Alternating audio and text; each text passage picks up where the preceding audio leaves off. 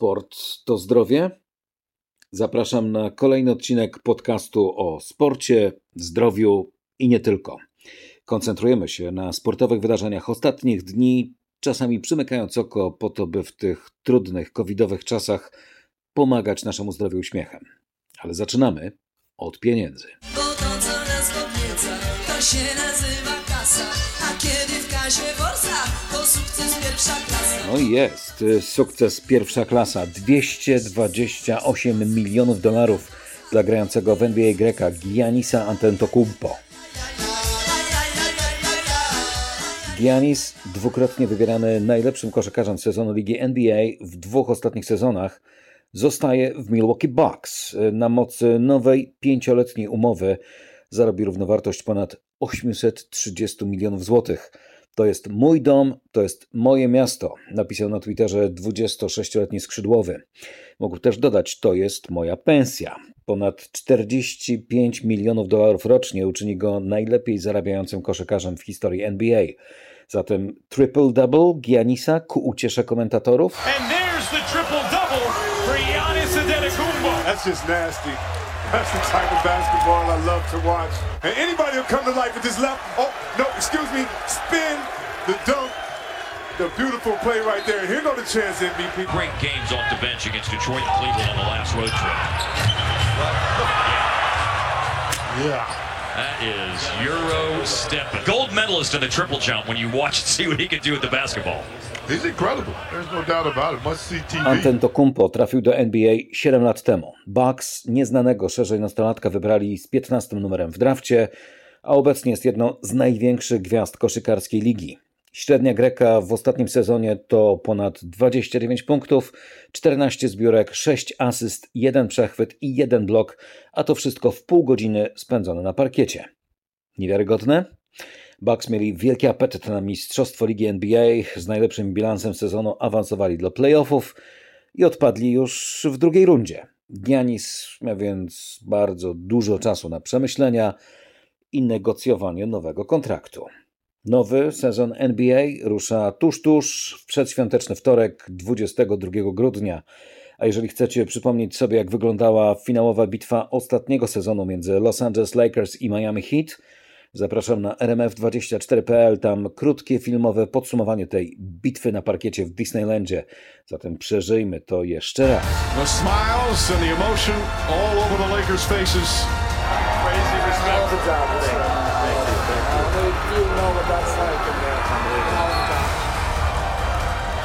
All the work, all the sweat, all the practices, all the travel.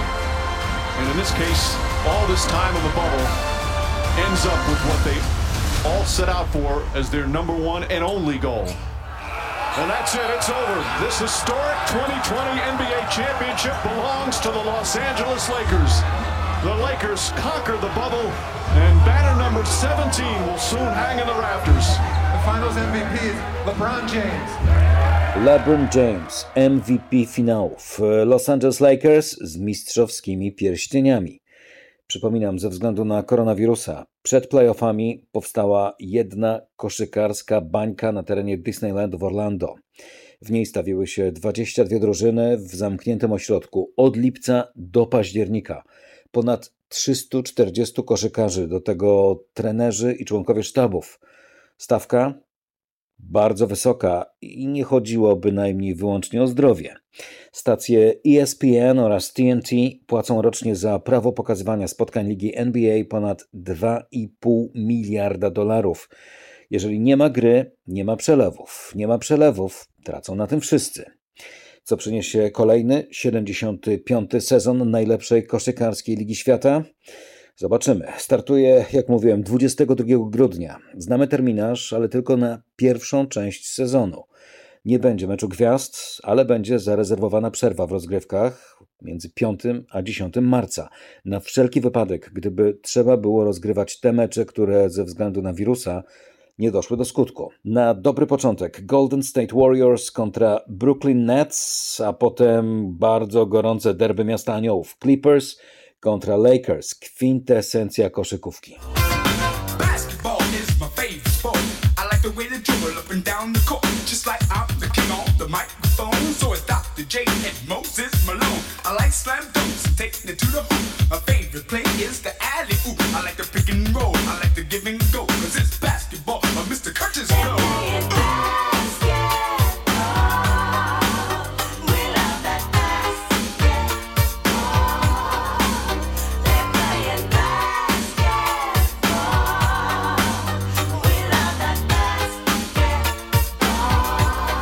slam dunkach, alley-oopach, pick and rollach Curtis Blow w piosence Basketball z roku 1984.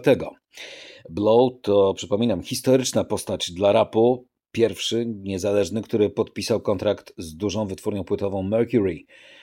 Jest wykonawcą jednego z pierwszych e, rapowanych przebojów, Christmas Ripping z roku 1979.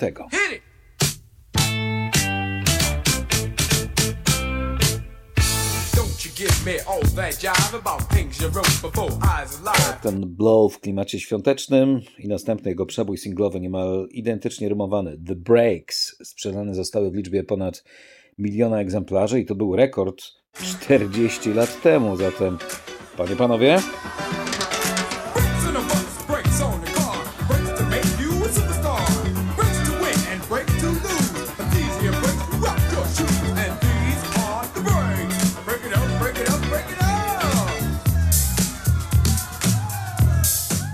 premiery tego utworu, trudno uwierzyć, minęło 40 lat. Rap to już historia dla boomerów. Panie panowie, sport to zdrowie. Za nami kolejny sezon Formuły 1. Kończył go wyścig w Abu Zabi, który wygrał Max Verstappen. Holender z bezpieczną przewagą dojechał swoim Red Bullem przed Mercedesami Valtteriego Bottasa oraz mistrza F1 Louisa Hamiltona. Christian Horner, kierujący stajnią Czerwonych Byków, triumfował. Max. Max, to było absolutnie bezdyskusyjne zwycięstwo. Od startu do mety, do tego najszybsze okrążenie. Byłeś fantastyczny, byłeś fantastyczny przez cały sezon, oczywiście, ale szczególnie dziś. Dobra robota, możesz się tylko cieszyć.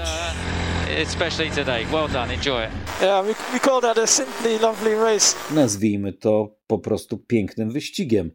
Odwdzięczał się Holender Verstappen. W klasyfikacji konstruktorów Mercedes przed Red Bullem. Dla Louisa Hamiltona to był pierwszy wyścig po pokonaniu koronawirusa, jak sam przyznawał na mecie. Uh.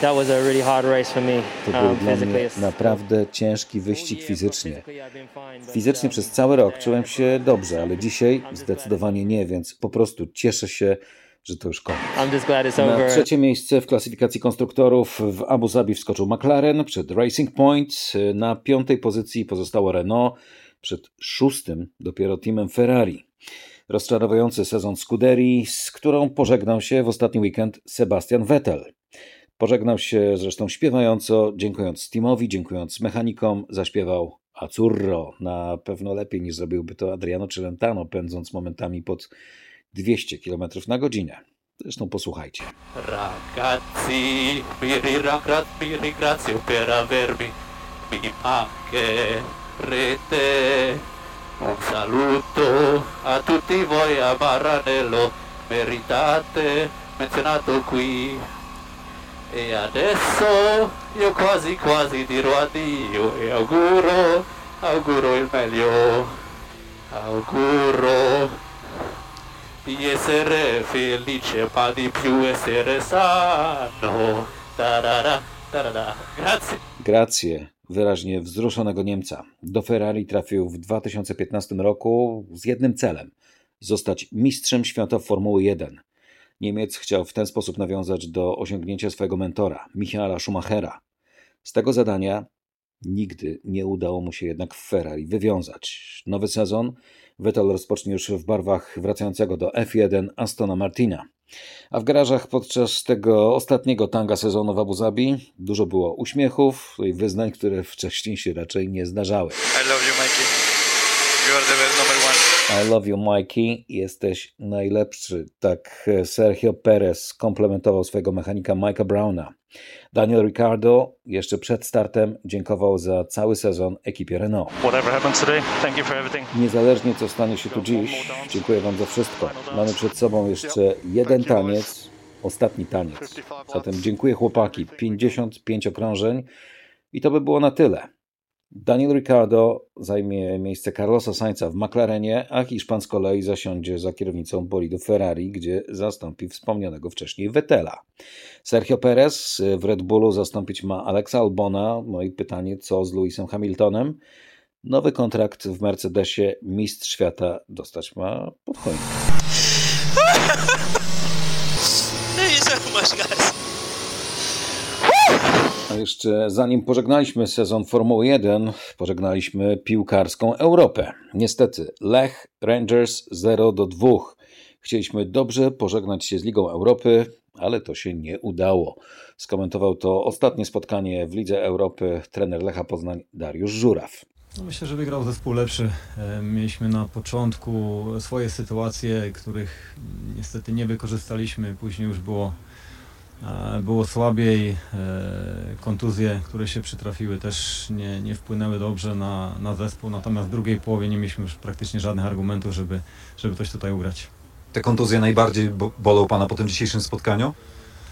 No bolą, bolą oczywiście, bo, bo jest ich trochę i no zobaczymy jak będzie to wszystko wyglądało jutro, e, ale jakoś musimy się pozbierać i te trzy mecze do końca ligi zagrać.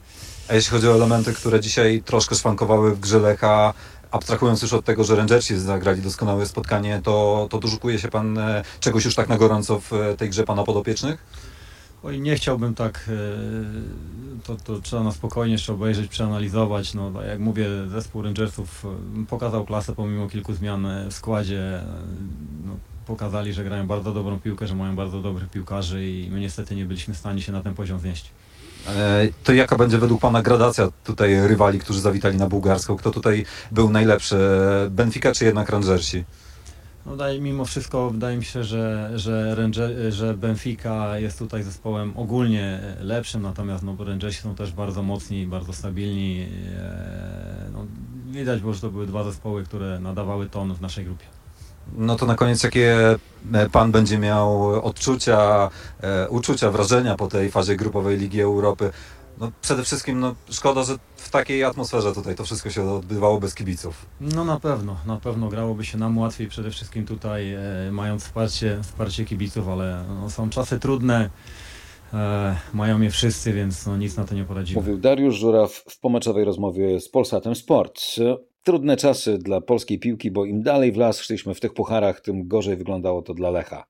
Liga Europy tak naprawdę została przegrana w Lierz, kiedy to w 94 minucie meczu kolejorza dobił zawodnik standardu Konstantinos Leifis, no a potem poznaniakom pozostało już tylko zaliczyć dwa razy 90 minut w pucharowych meczach z Benficą na wyjeździe i u siebie z Rangers. A co zostanie po tym pucharowym epizodzie poznaniaków? Na pewno pochwały za styl i rozbudzone nadzieje w eliminacjach, a potem już tylko pieniądze z UEFA za punkty w grupie, punkty do rankingu i rozstawienie w przyszłorocznych pucharach. Powiedzielibyście, że trochę jajowata ta nasza piłka? Nic z tego. Rugby, moim zdaniem, to jednak trochę inny świat i zaraz postaram się to Wam precyzyjnie wytłumaczyć. Dwóch facetów, którzy znali się z boiska. Poznali się, kiedy jeden miał 12, drugi 14 lat. Jeden z nich rok temu zapada na nieuleczalną chorobę. Drugi, jako kapitan, nie zostawia swojego zawodnika bez pomocy. Seven in seven. Siedem maratonów w siedem dni. Takiego wyzwania podjął się Kevin Sinfield, kapitan, legenda drużyny Leeds Rhinos. Pomóc chce przyjacielowi, z którym grał w jednej drużynie. Rob Barrow cierpi na nieuleczalną chorobę neuronu ruchowego. Angielski skrót to MND, Motor Neuron Disease. Choroba, która występuje rzadko, dostępne terapie skupiają się tylko na łagodzeniu dolegliwości, gdyż nie wynaleziono dotąd skutecznej terapii. Pomóc mają w tym pieniądze. Aby je zebrać, trzeba znaleźć sposób, by powiedzieć o wszystkim światu. Dlatego właśnie Seven in Seven to był pomysł Kevina Sinfielda. Seven marathons in seven days. Are you mad? Siedem maratonów w siedem dni. Czy ty jesteś szalony? Pytała wprost Sally Nugent z BBC Breakfast. Odpowiedź? Chyba tak. Wszyscy wiemy dlaczego, ale to miało się wiązać z siódemką, z którą grał Rob. Bo wszyscy wiedzą, kim Rob Barrow jest w tej chwili, ale jeżeli ludzie nie wiedzą, czego dokonał poprzez swojej kariery jako zawodnik rugby, na pewno wiedzą, co stało się z nim w ciągu ostatnich 12 miesięcy. Numer 7 jednoznacznie wiąże się właśnie z nim w klubie, ale spróbujmy użyć tego numeru w taki sposób, by spróbować raz jeszcze, bo o nim nie zapomniano, utrzymać świadomość istnienia prowadzonych badań nad MND, że one trwają, rozwijają się i są lepsze niż kiedykolwiek wcześniej. I to jest siła napędowa do działania, wyjaśnia Kevin Sinfield. Tylko jak zorganizować e, taki bieg w kraju, który objęty jest czterotygodniowym lockdownem w samym środku pandemii? Robisz to dla swojego kumpla. Co w tej przyjaźni jest takiego, co będziecie podtrzymywać w realizacji tego pomysłu? Chcę pamiętać te dobre chwile. Chcę uśmiechać się w czasie biegu, chciałbym spróbować uciec od tych złych momentów. W najprostszy sposób chcę po prostu spróbować być jego przyjacielem z drużyny. I kiedy o tym myślę, przez 13 lat byłem jego kapitanem i to Sinfield przeprasza i mówi, to pojawia się zawsze, jak tylko zaczynam o nim mówić. Przez 13 lat byłem jego kapitanem i mimo, że żaden z nas już nie gra, jest grupa bliskich przyjaciół. Tu chodzi nie tylko o mnie i Roba. To jest grupa 5, 10, 15, 20 byłych graczy, którzy czują dokładnie to samo co ja, że potrafimy zrobić coś pięknego w tym roku. No i 1 grudnia o 7 rano zaczęli próbę. Thanks everyone. Ready boys? Yeah. yeah. Three, two, one, let's go. Sinfield wyznaczył sobie za cel ukończenie każdego maratonu w mniej niż 4 godziny. Chciał zebrać 77 777 funtów dla Roba Barrowa. 7 grudnia, nieprzypadkowa data, przed południem, kończył swoją próbę 7 and 7. Zapraszam zatem na ostatnie 100 metrów razem z Kevinem Sinfieldem. 100 meters. 100 meters. Last 100 here.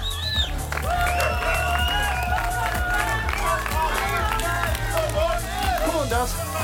Come on. 50 meters. 50 meters. Keep going. Keep going. Keep going. Awesome. Can't believe it. Yeah.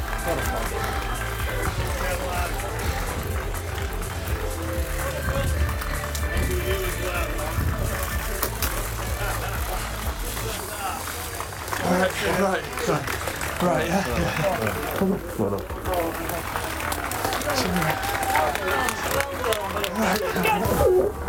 on. Trzy godziny 41 minut 39 sekund. Cel osiągnięty jeszcze zanim dobiegł do mety. Na koncie zebrało się już ponad 2 miliony funtów. Sharing with friends is powerful. Dzielenie się z przyjaciółmi ma w sobie moc, a Sinfield jest 40-latkiem. W tej chwili na koncie zbiórki 2 miliony 573 tysiące funtów. No i fani Leeds Reynolds już złożyli petycję wzywającą do nadania Sinfieldowi tytułu szlacheckiego. A propos rycerzy w tym jajowatym świecie rugby, za trzy lata znakomita okazja, by zobaczyć ich z bliska. Puchar Świata niedaleko, we Francji. Ten host cities across France from Bordeaux to Lyon, Nantes to Saint-Étienne, Lille to Toulouse, Nice to Saint-Denis and Marseille 10 to miast Paris. gospodarzy w całej Francji, od Bordeaux po Lyon, od Nantes do Saint-Étienne, od Lille do Toulouse, od Nicei po Saint-Denis, od Marsylii do Paryża. Najlepsi w światowym rugby pojawią się zatem pod oknami Pałacu Elizejskiego Emmanuela Macrona. Moi, je leur dirais, c'est simple. Tous les 12 ans, on est en finale. Et j'ai fait le calcul. En 2023, ça fera 12 ans qu'on n'a pas été en Co finale. 12 lat Donc pas moins. jesteśmy z Francją w finale Mistrzostw No, Świata. 2023, comme c'est à la Przeprowadziłem obliczenia i oznacza to, że rok Débrouillez-vous. 2023 Alors, on sera tous derrière będzie dokładnie fond, faut 12 préparer. lat po naszym ostatnim finale. Więc uwierzcie mi, że w 2023 roku musimy zatrzymać ten puchar w domu. Wszyscy będziemy z wami, tuż za wami. Podkreśla Macron. Świętujemy ważną rocznicę dla rugby, to będą dziesiąte Mistrzostwa Świata, co 12 lat, gramy w finale. W 2023 roku chcę, żebyśmy wystąpili w finale imprezy i wygrali ten Puchar Świata. Będziemy entuzjastyczni i wymagający, zapowiada, ostrzega prezydent Francji Emmanuel Macron. Enthousiaste et exigeant. Gospodarze trafili do grupy A z Nową Zelandią, Włochami oraz jedną z ekip z Ameryki i Afryki, które wygrają eliminację na swoim kontynencie. Panie, panowie, tak czy inaczej przed nami na pewno pojedynek wagi ciężkiej. Le Tricolore kontra nowozelandzcy All Blacks. O nich mówiłem w ostatnim podcaście, gdy po raz pierwszy w historii przegrali mecz z Argentyną. Trener Ian Foster ostro skarcił wtedy swoich zawodników. There's no excuses. Like it's uh, it's an all black jersey, and, and we want to beat our best every time. Tu nie ma But, um, wymówek, to jest koszulka All Blacks i za każdym razem musimy dawać siebie wszystko. Z pewnością była dziś zbyt duża różnica w intensywności gry tych dwóch drużyn. Przegrana 15 do 25 podrażniła ambicje Nowozelandczyków, no i kiedy nadeszła pora rewanżu, nie mieli litości dla argentyńskich Pum. Ostatnia piłka meczu należała do Richiego Moangi. as Moanga slams it over. And the All Blacks win by 38 points to nil. Yes, you heard it right. 38 to nil. 38 do 0. Tak, nie pomyliliście się. 38 do 0. All Blacks odprawili Argentynę. Cudnej urody, dwa rajdy i punkty zdobyte przez Willa Jordana były ozdobą tego ostatniego meczu Nowej Zelandii w 2020 roku. Zresztą zobaczcie je na filmie, klikając w zapowiedź podcastu na rmf24.pl. Trofeum Mistrzów Świata, przypominam, bronić będą we Francji rugbyści Republiki Południowej Afryki, a gospodarze próbowali do tej pory trzy razy. Trzy razy grali w finale w 87, 99 i 2011 roku. Co 12 lat, jak precyzyjnie policzył Emmanuel Macron, zresztą przecież finansista. Ale Francja nigdy nie zdobyła mistrzostwa. Zatem bleus Allez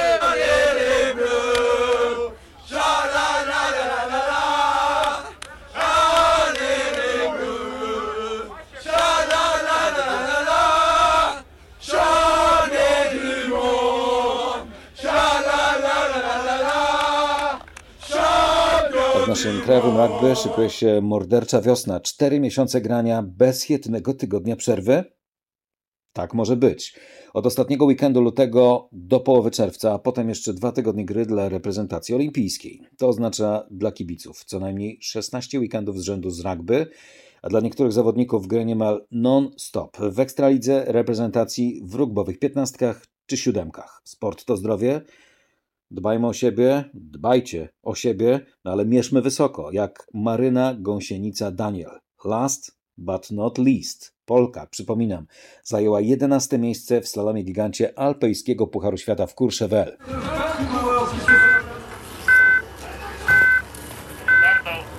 Na półmetku Maryna była 19. Po drugim przejeździe awansowała o 8 lokat w finale. Uzyskała drugi czas. Dodatkowo pomógł jej m.in. fakt, że druga w połowie zawodów Włoszka Marta Bazzino wypadła z trasy.